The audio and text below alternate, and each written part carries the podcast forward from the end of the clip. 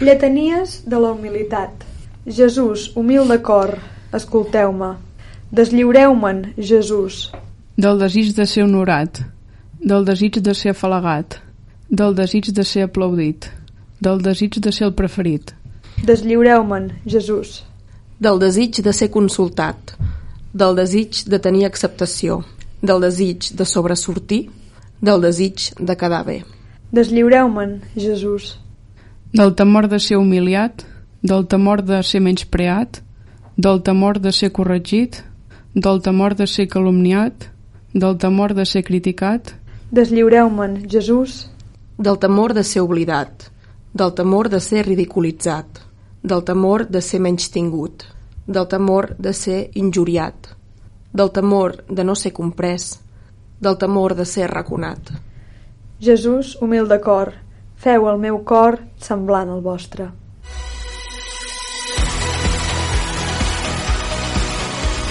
Desperta, un programa de Ràdio Vic amb la voluntat de donar resposta a les inquietuds de tantes persones que volem viure l'alegria de la fe.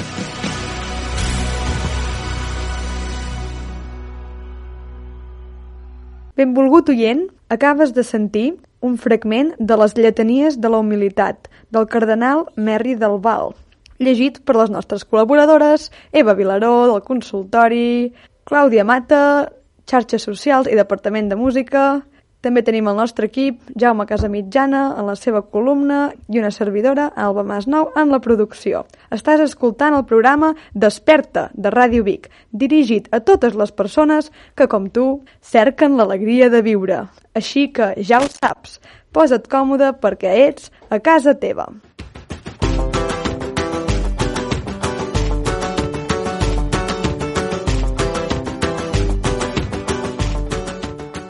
Comencem el programa d'avui amb la nostra secció dedicada al Museu Episcopal de Vic, el Museu d'Art Medieval d'interès nacional a Catalunya. Tenim amb nosaltres, un altre cop, en Marc Sureda, que és doctor en Història i que ja fa més d'una dècada que és conservador del Museu Episcopal. Tot un expert, vaja. Benvingut un cop més, Marc. Gràcies.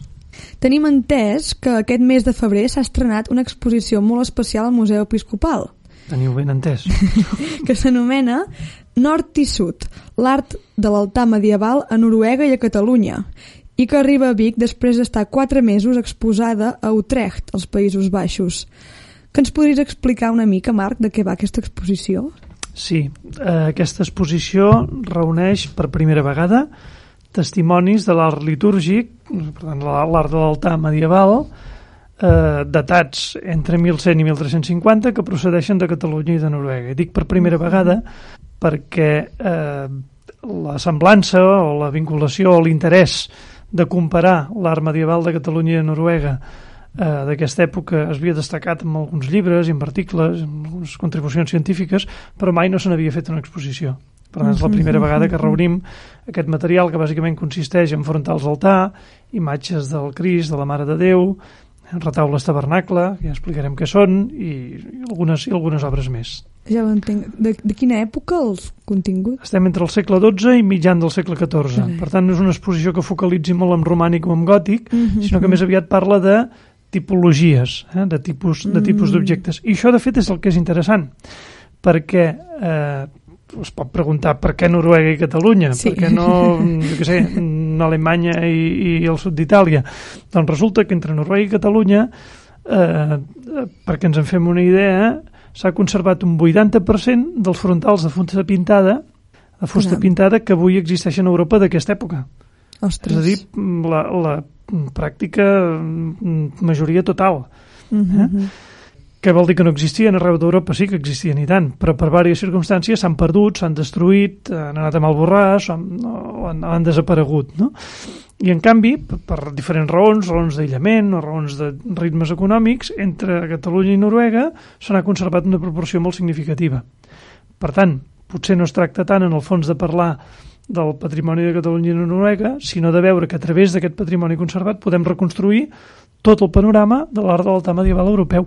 És ben significatiu, definitivament. Aleshores, aquesta exposició, d'on va sortir la idea? O qui, qui està al darrere? O... i els comissaris som dos a Vic, que som el, la Judit Verdaguer, conservadora del Museu Episcopal, i jo mateix, i hi han dos conservadors, do- dos comissaris convidats, que són el Justin Cruzen, que és conservador al Museu de Bergen a Noruega, i la Michelle Eveland, que és conservadora al, al Museu Cataraina Convent d'Utrecht. Eh, I el Justin és un bon coneixedor de l'art de Catalunya, perquè ell va fer la seva tesi sobre retaules medievals, Sí. i quan ell va anar a treballar a Bergen doncs va veure que les col·leccions s'assemblaven molt no? i va començar Ah. a pensar que seria interessant reunir-les eh? Es va posar d'acord amb la seva col·lega Michel Eflang i llavors vam participar una mica d'aquesta idea tots plegats però la idea és d'algú que viatja i que veu que les col·leccions s'assemblen molt i que són capaces d'il·lustrar tot això que ha desaparegut Carai. I això s'ha materialitzat en aquesta exposició itinerant, no? Que abans Sí, estava... de fet no és exactament itinerant perquè són dues versions lleugerament diferents Ah. però els eixos de l'exposició i una bona part de les peces que s'hi exhibeixen sí que són les mateixes. Oi? En tot cas, les dues exposicions comparteixen un mateix catàleg eh, que s'ha editat en, en, en anglès, en holandès i en, i en català Mhm. i que per tant dona raó de tot el projecte en, en un sentit global. Ja ho entenc.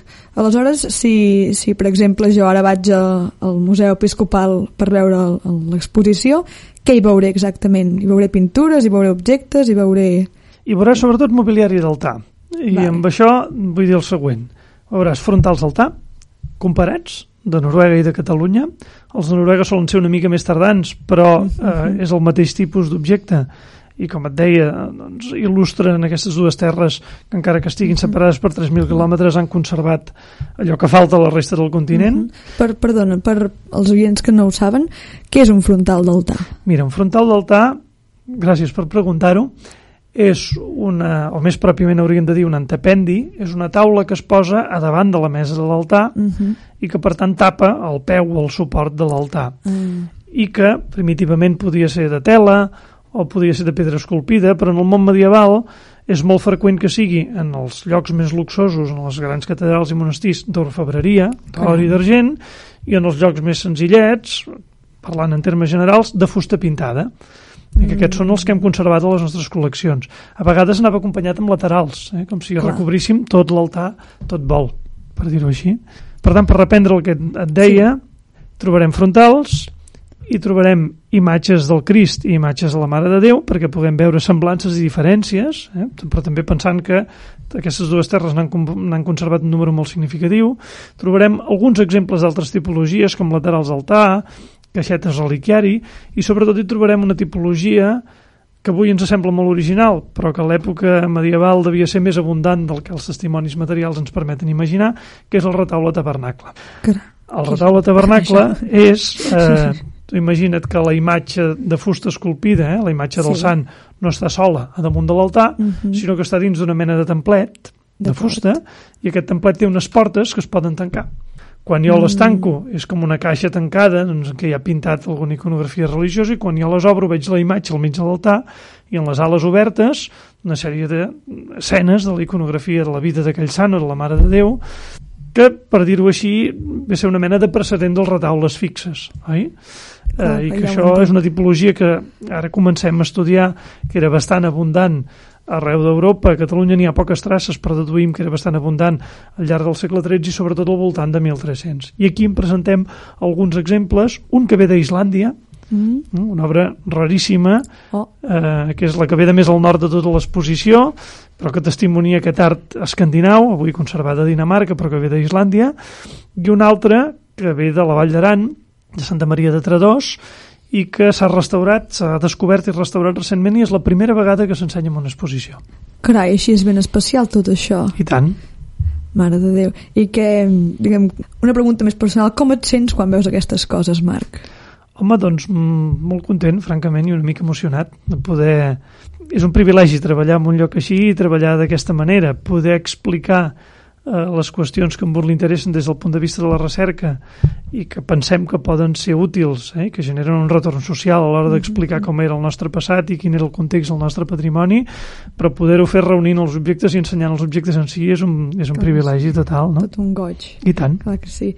I una última pregunta, que, perquè clar, això dels altars medievals és molt específic. M'agradaria preguntar-te què té un altar medieval que no tingui els que veiem avui en dia a les esglésies? Doncs mira, hi ha una sèrie de coses que les tenen igual, eh? la, la mesa de l'altar, eh, la posició, diguem, central en l'espai de culte, eh, però hi ha moltes coses que ja no les tenen. Mm -hmm. eh, perquè en realitat conservem aquestes obres en els nostres museus aquestes decoracions a l'altar, però sovint les conservem fora de context.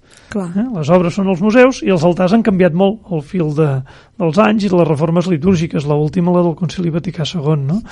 L'altar medieval era un altar que en el seu estat de l'edat mitjana central solia estar enganxat a la paret, avui normalment els trobem separats a la paret, que solia tenir un retaule on se solia celebrar la missa mirant cap al fons de la paret, allò que col·loquialment en diem la missa d'esquenes, oi? Eh, i era el centre d'un ritual que és bastant semblant a la missa d'avui, però que ha tingut una sèrie de canvis i per tant el que té d'específic aquest altar medieval d'alguna manera és el que mirem de reconstruir amb aquesta exposició. Ho fem ensenyant mm. aquests objectes i això es podrà llegir en un dels articles del catàleg que està específicament destinat a això, a la reconstrucció de la litúrgia medieval a partir d'aquestes fonts. Això és un tema ben bé per a tot un altre programa gairebé, eh? I tant. Mare de Déu, la litúrgia d'aquella època. Bueno, moltes gràcies, Marc, una altra vegada. Bueno, estimats oients, ja ho sabeu, podeu anar al Museu Episcopal a visitar aquesta exposició temporal que estarà al museu fins al maig d'aquest 2020. I tracta, com hem dit, sobre els altars medievals de Catalunya i Noruega. Jo, personalment, és que crec que aniré demà, perquè no, no puc esperar. I esperem a tu i a tots els que vulgueu venir. Moltes gràcies, Marc. Gràcies a vosaltres.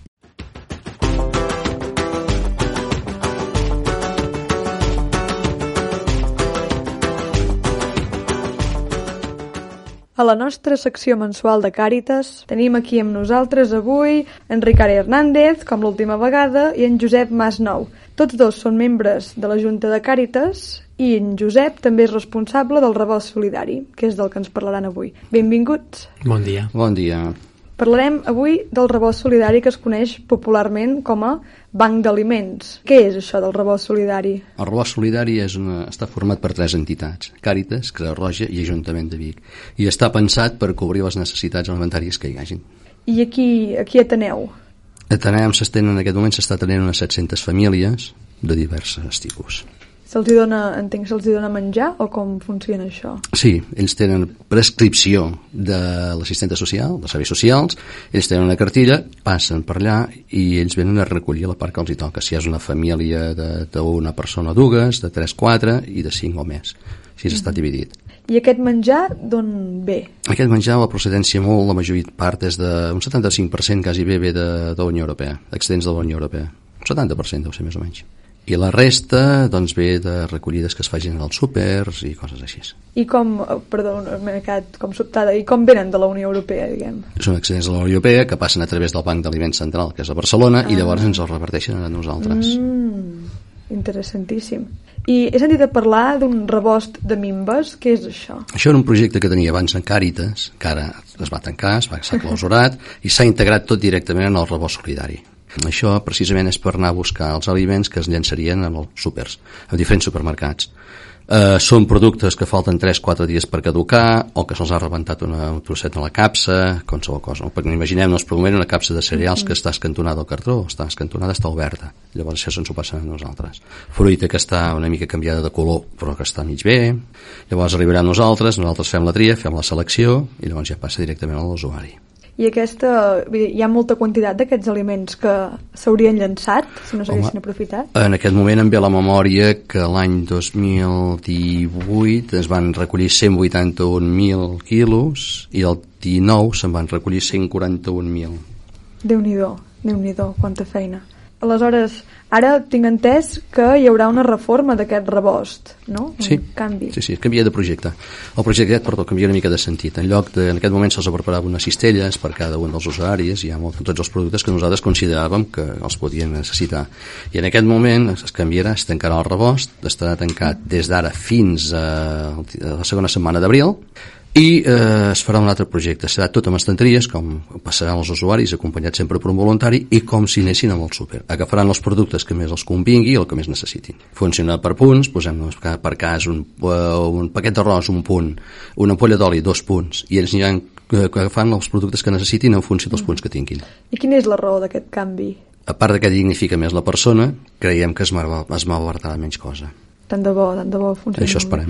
Hi ha algun, algú que ho faci ja a Sí, Catalunya? això, hi ha molts llocs que ho fan. I funciona? Sí, sí, ens funciona tot arreu i funciona molt bé. Que Nosaltres bé. el de remolc ara en aquest moment, la veritat és aquesta. Que bé. I quan s'encetarà aquest projecte? La, la segona setmana d'abril, la segona setmana d'abril ja comencem a arrencar-ho.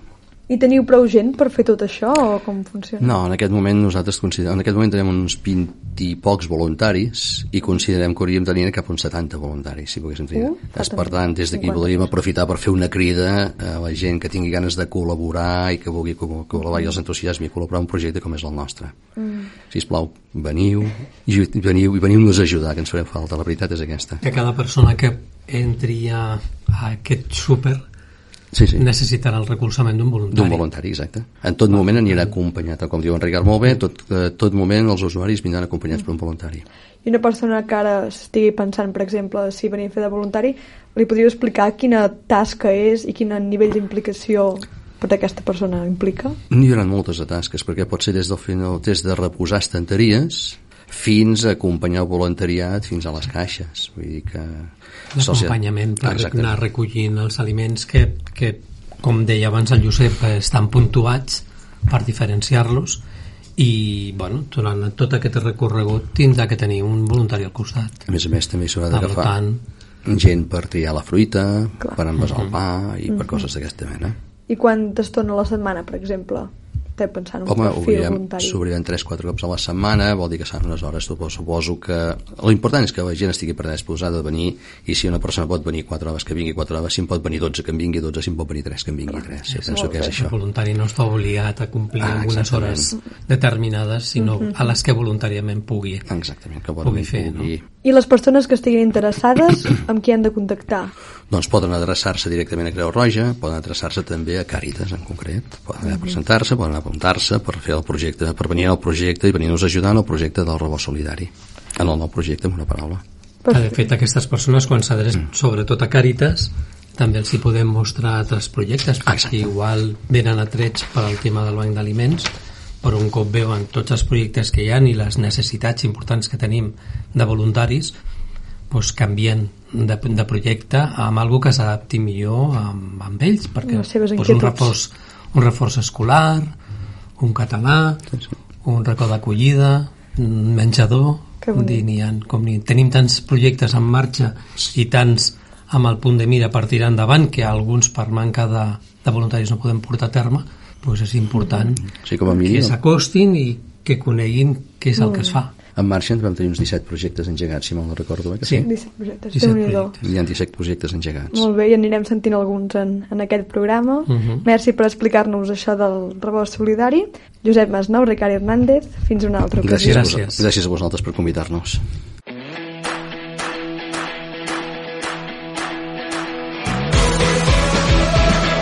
La columna de mossèn Jaume. Reflexions a la llum de la fe.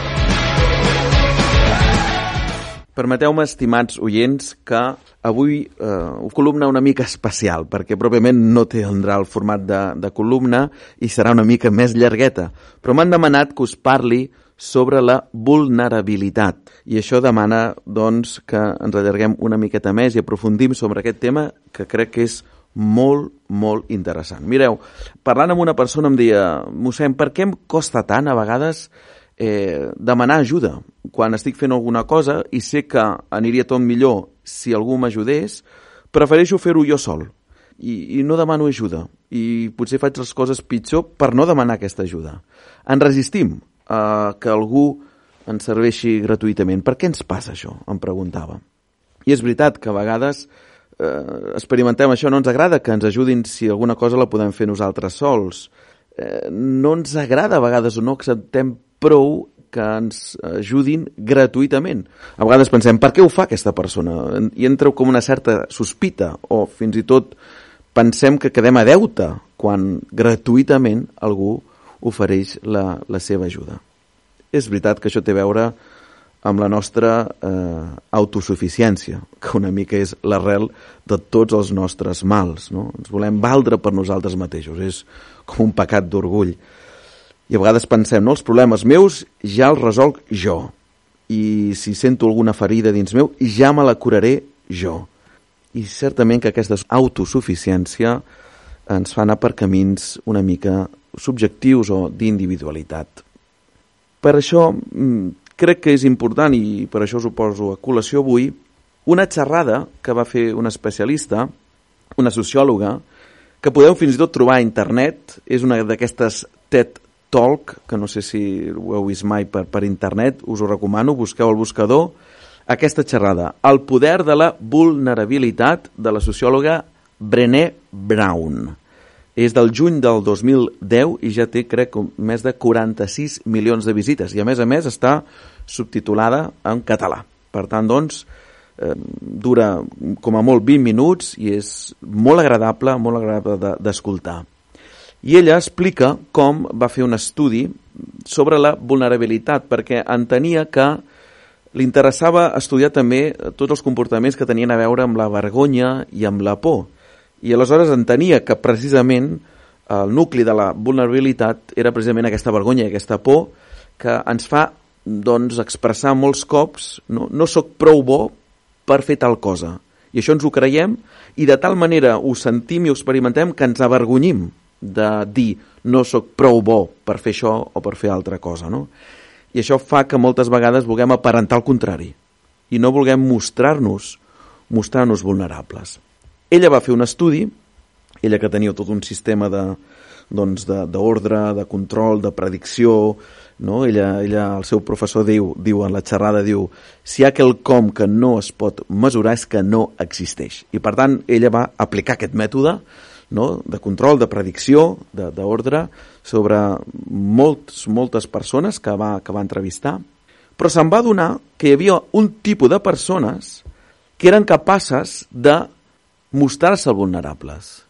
I diu, les anomena, i són gent de tot cor, que ho fa tot, de tot cor, i diu, i aquestes persones connecten la vulnerabilitat amb la autenticitat. I això és molt interessant. Perquè diu, aquestes persones estan disposades a deixar de banda la idea del que suposadament has de ser, segons la societat, segons els paràmetres socials, etc, per, en canvi, viure segons el qui ets, sense por a mostrar-se segons el qui ets, segons el que ets.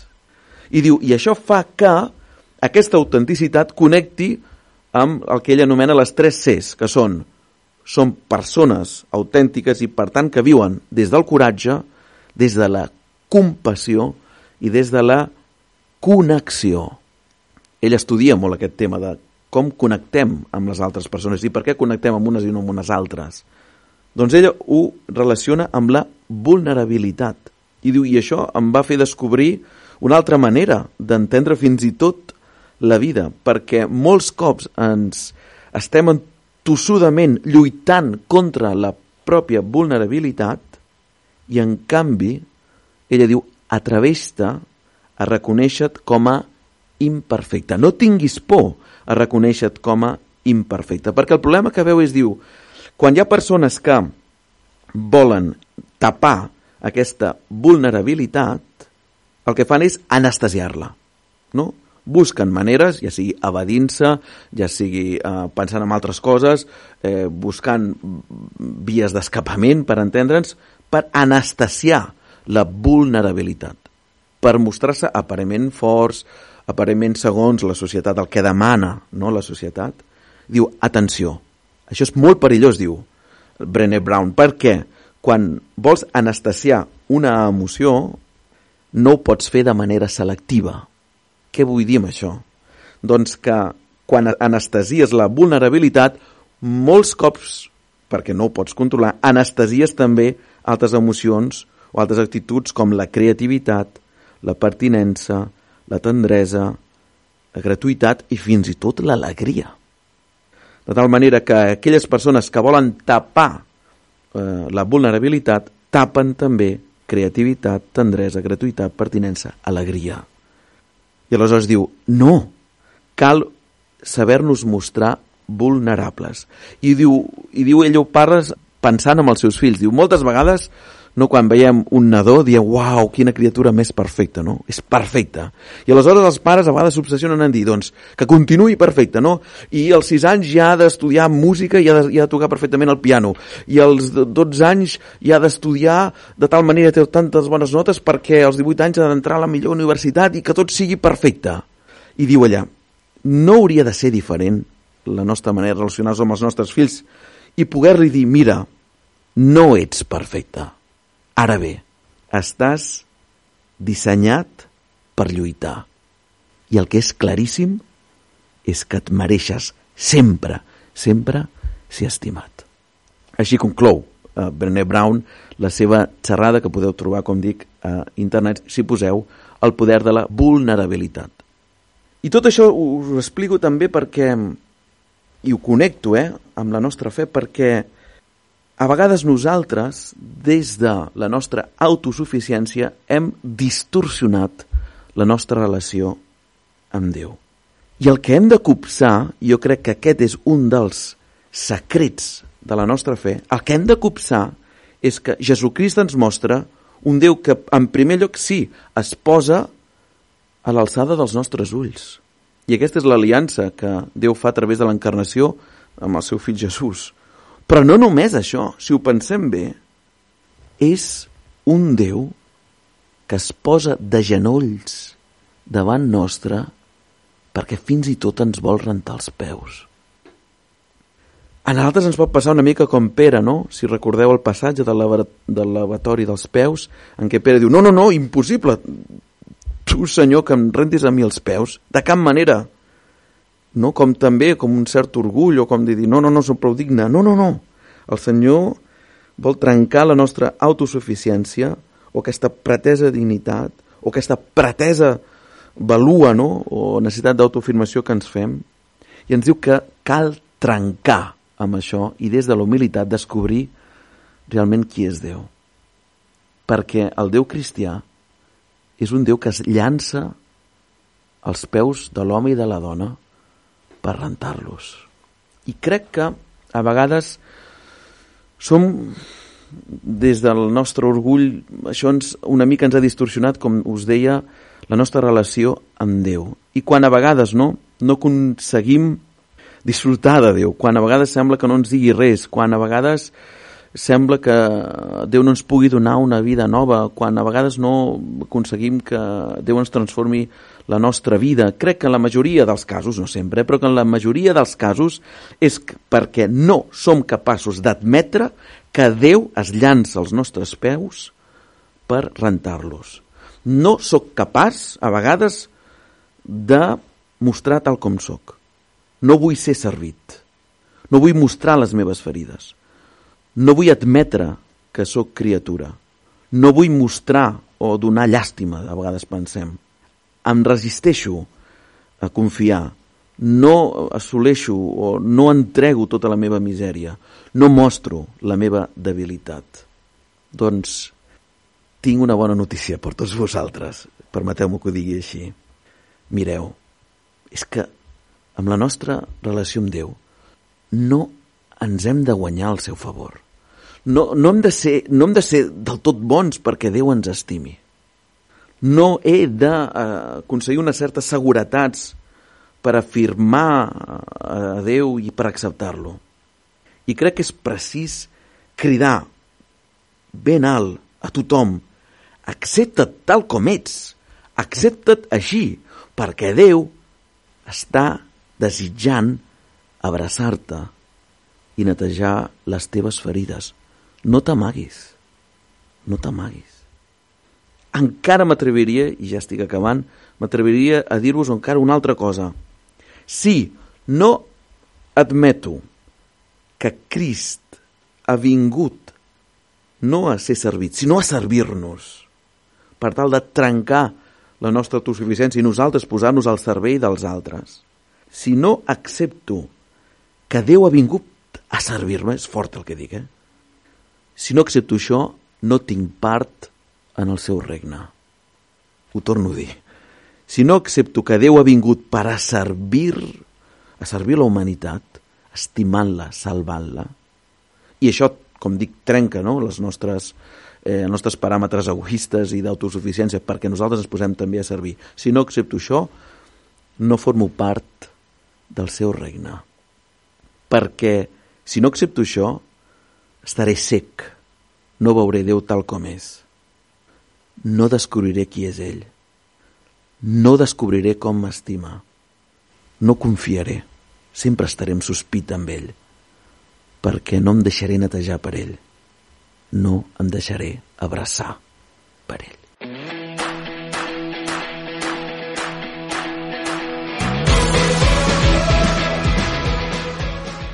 Bé, estimats oients, fins aquí el Desperta d'avui. Ens acomiadem. Alba Masnou a la producció, Eva Vilaró al consultori, mossèn Jaume Casa Mitjana i una servidora, Clàudia Mata, a les xarxes socials i música. Com sempre, ens podeu enviar les vostres preguntes al WhatsApp al número 621 27 29 67 621 27 29 67 o també a l'Instagram del programa arroba desperta Ràdio Vic. La cançó d'avui es diu Porta mi via, de Fabrizio Moro.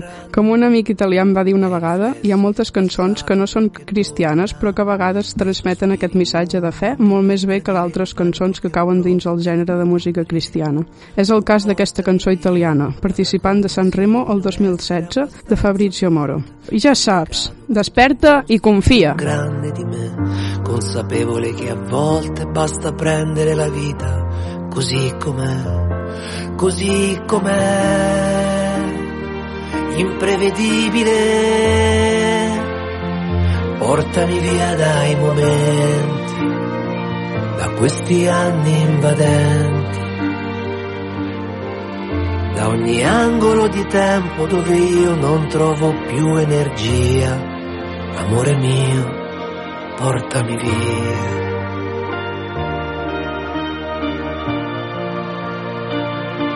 Tu portami via.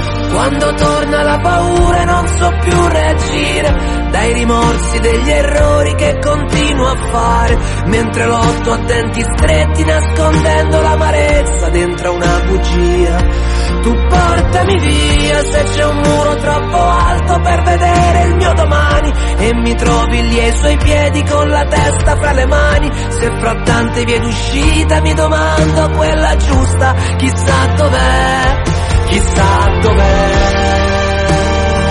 È imprevedibile.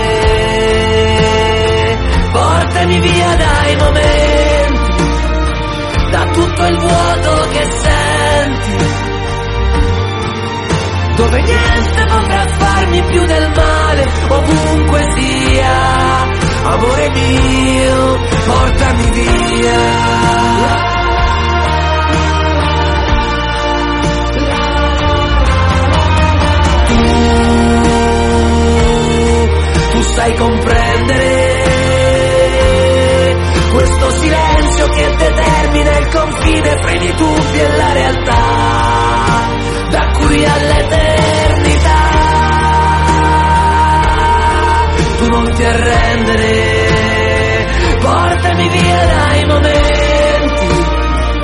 Questi anni violenti,